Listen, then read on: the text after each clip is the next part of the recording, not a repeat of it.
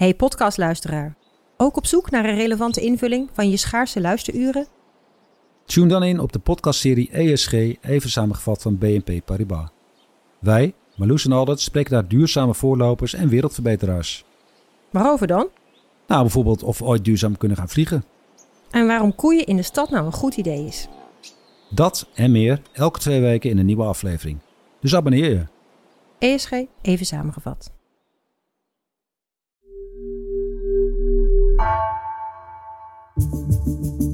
Vanaf de redactie van NRC het verhaal van vandaag. Mijn naam is Egbert Kalsen.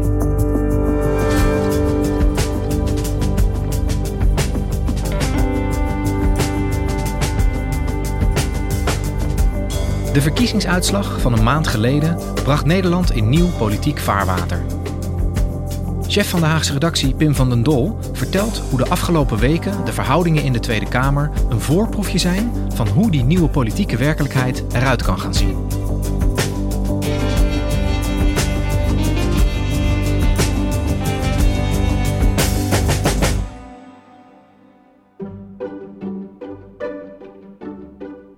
Pim, we gaan uh, bijna het kerstreces in. We zitten in de laatste dagen. De verkiezingsuitslag van 22 november, een maand geleden alweer, heeft de boel uh, aardig op zijn kop gezet in Den Haag.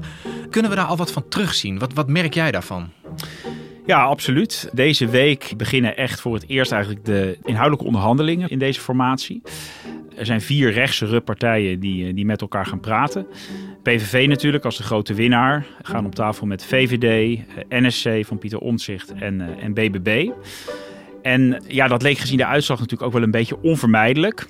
En in het Kamerdebat, wat ook afgelopen week over uh, de formatie werd gehouden, kon je eigenlijk meteen wel die, die nieuwe politieke verhoudingen terugzien dat die vier partijen, hoewel ze nog helemaal aan het begin staan hè, van, van onderhandelingen en gesprekken, toch al wel heel erg samen optrokken. En uh, elkaar soms al probeerden te, te verdedigen. En ook wel lief en aardig voor elkaar te zijn. En een ander goed voorbeeld daarvan was ook een gezamenlijke motie die ze over de spreidingswet indienden. Ik ga direct naar de ene motie die ik heb.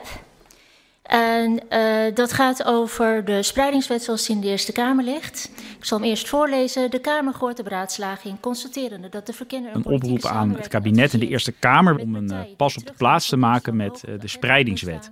De wet die ervoor moet zorgen dat asielzoekers eerlijk over Nederland worden verdeeld. Nou, die heeft de VVD heel lang gesteund, maar de afgelopen jaar niet meer doet een beroep op het kabinet en de Eerste Kamer om voor de duur van de formatie een pas op de plaats te maken met het wetsvoorstel Spreidingswet. En gaat over uh, tot de orde van de dag, mede ondertekend door de heer Wilders, mevrouw Van der Plas en de heer Omtzigt. En dat was hem. En dat deze vier partijen hè, nu die motie indienden, liet eigenlijk wel zien dat ze echt een andere uh, koers willen voor het land. Zeker op asiel en migratie. Ja, dus die, die vier formerende partijen die wisten elkaar daar eigenlijk voor het eerst, zou je kunnen zeggen, te vinden. Wat weten we nu van die gesprekken? Wat weten we van die formatie? Ja, de, formatie gaat eigenlijk wat anders verlopen dan gebruikelijk is. Ze hebben eigenlijk besloten om die eerste fase van de informatie nu dat in, in verschillende blokken op te delen. En uh, deze week zal er een aantal dagen gesproken worden voor, voor de kerst. En dan gaat het eigenlijk heel concreet over één thema. Uh, en dat is namelijk de omgang met de grondrechten en de democratische rechtsstaat. Je zou denken, oké, okay, wat moet je daar uh, over onderhandelen of, of, bespreken? Maar dat ja, is nou die juist... is er, zou je kunnen zeggen. Ja, die ja. is er. Die, die is voor veel partijen heilig. Maar goed, in dit geval is dat natuurlijk met de PVV van Geert Wilders uh, toch wel iets om serieus te bespreken. Want uh, in het programma van de PVV staan toch een behoorlijk wat voorstellen die, die ingaan tegen de grondwet en, en internationale verdragen. Nou, VVD en BBB hebben daar wel moeite mee, maar eigenlijk geen principiële bezwaren tegen. Maar uh, NSC van Omtzigt, die hebben echt aangegeven van ja, wij moeten toch wel dezelfde basishouding hebben als het om die grondrechten gaat. Maar Wilders die heeft toch gezegd dat al die, die extremere standpunten op het gebied van grondrechten van hem, dat die allemaal de koelkast ingaan? Ja, klopt. Dat is inderdaad die, die befaamde uitspraak. Hè? Islam zal nooit uit ons DNA gaan, maar de prioriteit ligt nu duidelijk bij andere zaken als het gaat om de komende regeerperiode. Ja, dat is heel duidelijk. Maar ik wil toch nog heel even... Ik heb over die standpunten van de PVV gezegd... wat wij daar de komende jaren mee kunnen doen... namelijk in de, tijdelijk in de ijskast zetten. Dus die grondwet is geen probleem. Bijvoorbeeld over de islam, hè? Um, zoals het beperken van de vrijheid van godsdienst... het verbieden van Korans, het sluiten van moskeeën. Daarvan zei Wilders, ik zet het wel in de ijskast voor de komende jaren.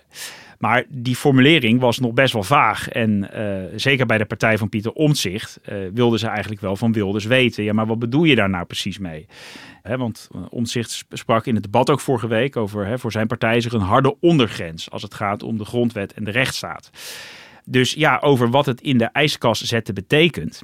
En ook over hè, misschien hoe uh, Geert Wilders zich als, uh, nu als fractievoorzitter, maar straks mogelijk zelfs als premier hè, uh, zich uitlaat bijvoorbeeld over minderheden of andere gevoelige kwesties. Ja, dat is iets wat ze echt met elkaar goed nog willen bespreken.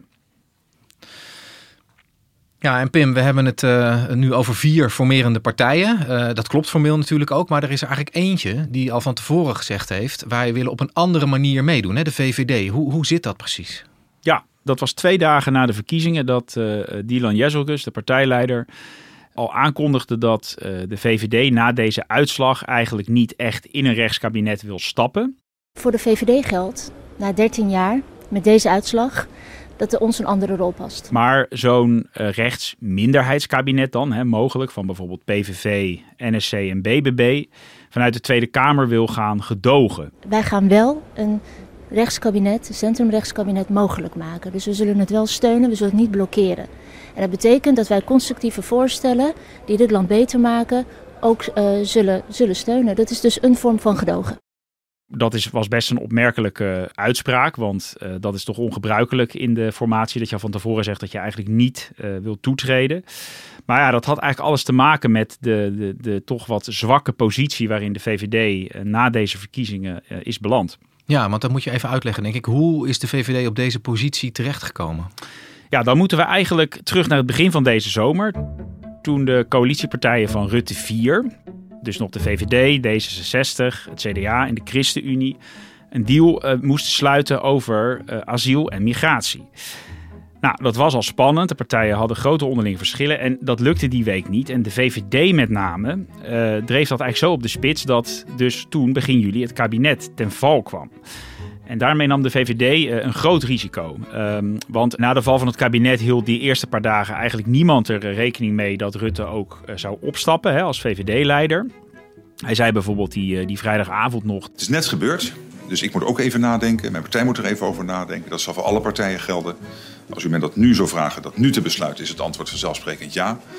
Uh, want ik heb die energie en ook die ideeën. Maar uh, ik vind ook dat je altijd even de tijd moet nemen er even over na te denken. En toen verraste hij op maandag, toen het um, Kamerdebat over de val van het kabinet was, uh, eigenlijk iedereen door daar zijn vertrek aan te kondigen dat hij niet nog een keer door zou gaan. En binnen twee dagen werd toen al zijn opvolger gepresenteerd, Dylan Jezelgus. Uh, en eigenlijk geldt in Den Haag al heel lang dat uh, de partij van de uh, vertrekkend premier, of een premier die aankondigt van ik stop ermee, dat die bij de volgende verkiezingen wel een grote nederlaag leidt. Dus, dus dat was al een, groot risico. En om die campagne ook over migratie te, willen laten gaan, um, daarmee nam de VVD eigenlijk ook al een risico. Want uit kiezersonderzoek blijkt eigenlijk al heel lang dat de PVV juist eigenlijk op het thema migratie het meest wordt vertrouwd door kiezers. Of het meest wordt herkend. Uh, ze zijn issue owners, zoals dat wordt genoemd. Dus die eerste week, dat, daar nam de VVD eigenlijk al een paar, een paar risico's. Ja, maar die PVV die werd door Rutte altijd buiten de deur gehouden. Hè? Daar gaan we niet mee uh, regeren, zei hij uh, al jaren eigenlijk. En Jezielgus, zijn opvolger, die zette juist de deur open naar de PVV. Ja, dat was eigenlijk de eerste belangrijke keuze die Jezielgus maakte. Een uh, grote breuk inderdaad met het tijdperk Rutte. Ook wel een risico, omdat ja, natuurlijk niet duidelijk was hoe dat uh, vervolgens voor de PVV zou uitpakken. En het leek er voor de VVD in de campagne lange tijd eigenlijk goed uit te zien. Hè. Ze stonden in de peilingen nog uh, behoorlijk goed, leken mee te doen om wie de grootste partij kon worden. Maar eigenlijk in die laatste week en laatste dagen zag je de PVV enorm opkomen al in de peilingen. En bleef Jezielkes ook heel onduidelijk over of ze nou na de verkiezingen wel heel graag dat rechtse kabinet met de PVV wilden gaan formeren. Als wij straks stemmen op de VVD, stel dat we dat van plan waren te gaan doen, krijgen we dan een kabinet eventueel met Wilders, ja of nee? Dat is toch een de verschillen hele zijn simpele... levensgroot. Dus het antwoord is? Ik, ik zie niet hoe dat kan op dit moment.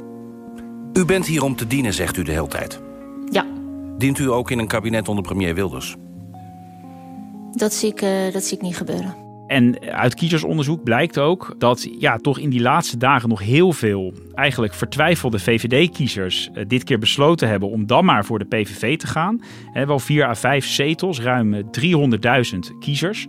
Echt een grote groep. Uh, en ja, die VVD'ers hebben eigenlijk een soort strategische stem op Wilders uitgebracht. Nou, dat, dat was iets wat we eigenlijk nooit eerder hadden gezien.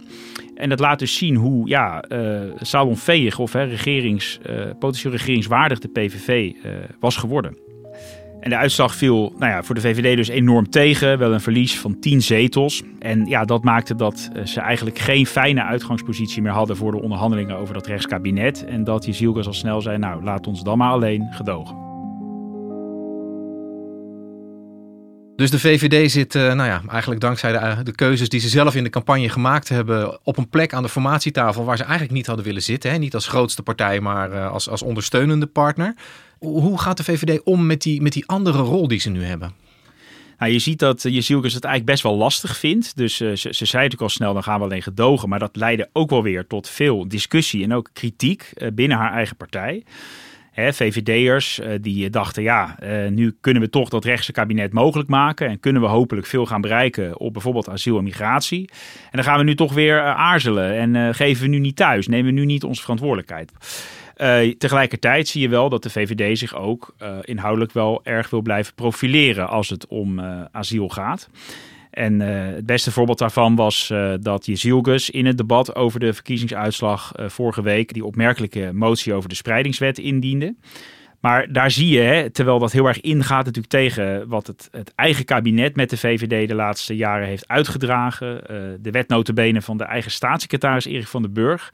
Nou, daarin zie je toch wel terug de enorme hè, inhoudelijke worsteling van de VVD met, ja, met de huidige situatie nog steeds. Ja, hey, en die motie die kreeg uiteindelijk wel een meerderheid in de Kamer? Ja, uh, hij kreeg een meerderheid. Alleen uh, de tekst werd nog wel behoorlijk afgezwakt. Hè? Dus waar eerst echt uh, heel duidelijk om die pas op de plaats werd gevraagd. En eigenlijk de Tweede Kamer zich op die manier rechtstreeks bemoeide met de Eerste Kamer. Wat, wat heel ongebruikelijk is. Daar kwam alleen nu te staan van dat deze partijen de wens hebben dat de spreidingswet er voorlopig niet komt. Nou ja, toen werd er eigenlijk door de andere partijen in de Tweede Kamer weer een beetje lachen gedaan. Van nou, deze motie hadden jullie eigenlijk niet meer in hoeven dienen. Dit wisten we al. Ja. Dus de VVD die, uh, ja, die, die zoekt en vindt ook toch echt nog wel ruimte om zich uh, te profileren. Hè? Dat schets jij mooi. Jij zei ook iets over die dubbelrol. Want iemand als Jezielgus, maar ook Erik van den Burg... die zitten zowel in de VVD-fractie als in ja. het demissionaire kabinet Rutte 4. Hoe, hoe zit dat?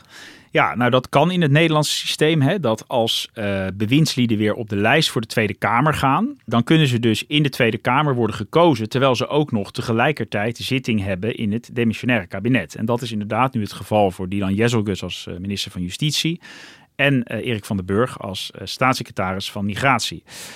Dat leidt alleen nu wel tot de hele bijzondere situatie dat Jezielkes en Van den Burg in hun Kamerfractie hè, inmiddels tegen de spreidingswet zijn.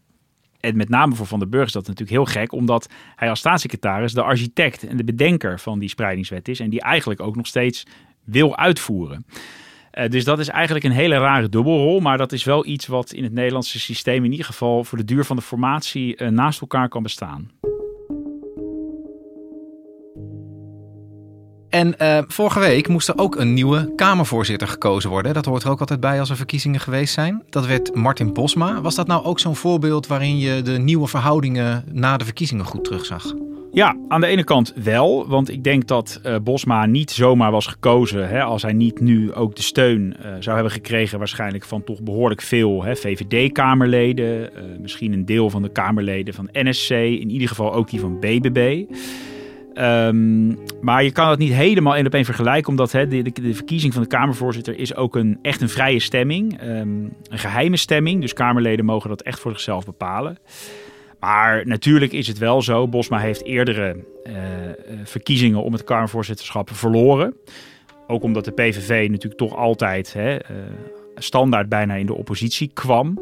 en, en weinig steun had, sympathie had bij anderen ja, dat nu het feit dat de PVV aan het formeren is, dat dat, uh, dat, dat zijn kansen echt heeft vergroot en dat hij het daardoor nu ook uh, echt heeft gewonnen. Ja, want hij, hij won het uiteindelijk in twee rondes van, uh, van Tom van der Lee, hè, van GroenLinks PvdA. Werd hij nou net zo bevraagd op gebied van grondrechtelijke standpunten en eerdere uitspraken over de islam als, als Wilders nu in die formatieonderhandelingen wordt bevraagd?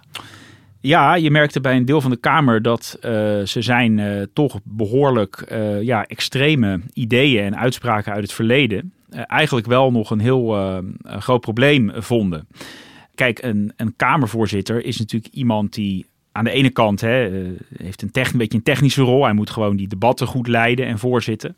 Maar hij is natuurlijk ook een, een boegbeeld van, de, van het parlement. Hij moet optreden bij allerlei gelegenheden, zoals herdenkingen. Um, dus een aantal fracties had daar wel vragen over aan Bosma. Omdat hij in het verleden ook wel hele scherpe uitspraken heeft gedaan. Bijvoorbeeld over de islam. Uh, maar ook over minderheden. Daar vroeg Christine Teunissen van de Partij van de Dieren hem na. Want hoe denkt de heer Bosma dat hij als representant van het instituut dat alle Nederlanders vertegenwoordigt, ook burgers in het land die trans en non-binair zijn kan vertegenwoordigen, als hij meermaals negatief over deze mensen heeft gesproken in termen als sectarische genderactivisten en hen heeft weggezet als genderideologie. En Jesse Klaver van GroenLinks PvdA vroeg hem naar eerdere uitspraken waarin hij de onafhankelijkheid van rechters in twijfel trok. U bent niet zozeer alleen maar kritisch op hoe het nou precies loopt of welke besluit, maar u zegt heel, heel letterlijk, ja, maar ze zijn niet onpartijdig over rechters. Uh, en dat vind ik lastig, omdat dat namelijk het in twijfel trekken is van welke uitspraak daar komt. Ja, en hoe ging hij daarmee om? Wat was zijn antwoord daarop? Nou, hij deed eigenlijk alsof hè, dat twee totaal verschillende eh, rollen en dingen waren. Hij had hij consequent het antwoord van ja, dat heb ik toen als Kamerlid, als, als woordvoerder op dossiers eh, gezegd. Maar uh, ja, nu wordt alles anders. Want als Kamervoorzitter zal ik volledig neutraal zijn. Ja, nou, dat heb ik dus gedaan in een andere rol, een andere functie. nu sta ik hier als sollicitant. En als voorzitter van de Tweede Kamer zal ik, voor zover ik daar enige invloed op zou kunnen hebben, die scheiding der machten uh, bewaken. Dat is niet meer dan, dan logisch. En, en dan kunt u ervan uitgaan dat ik dat ook neutraal kan doen. Ja, en blijkbaar was dat genoeg voor een meerderheid van de Kamer om hem uh, te benoemen tot voorzitter. Ja, in ieder geval om hem de kans te geven om dat ook uh, dan waar te maken.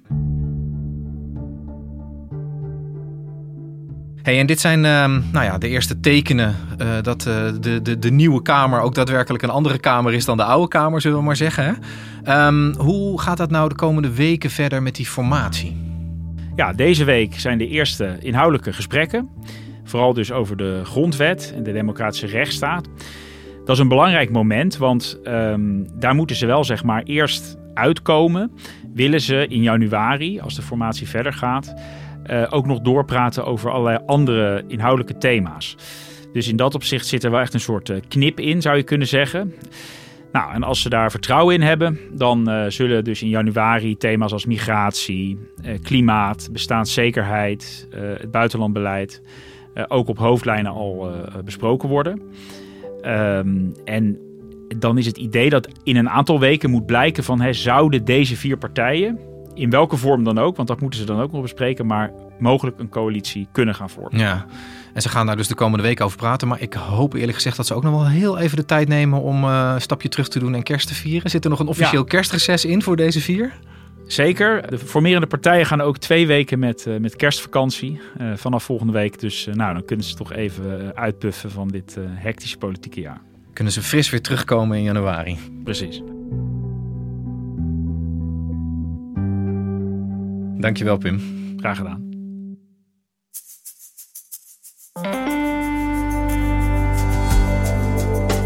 Je luisterde naar vandaag, een podcast van NRC. Eén verhaal, elke dag. Deze aflevering werd gemaakt door Ruben Pest en Jan-Paul de Bond. Coördinatie Henk Ruigrok van de Werven. Dit was vandaag, morgen weer.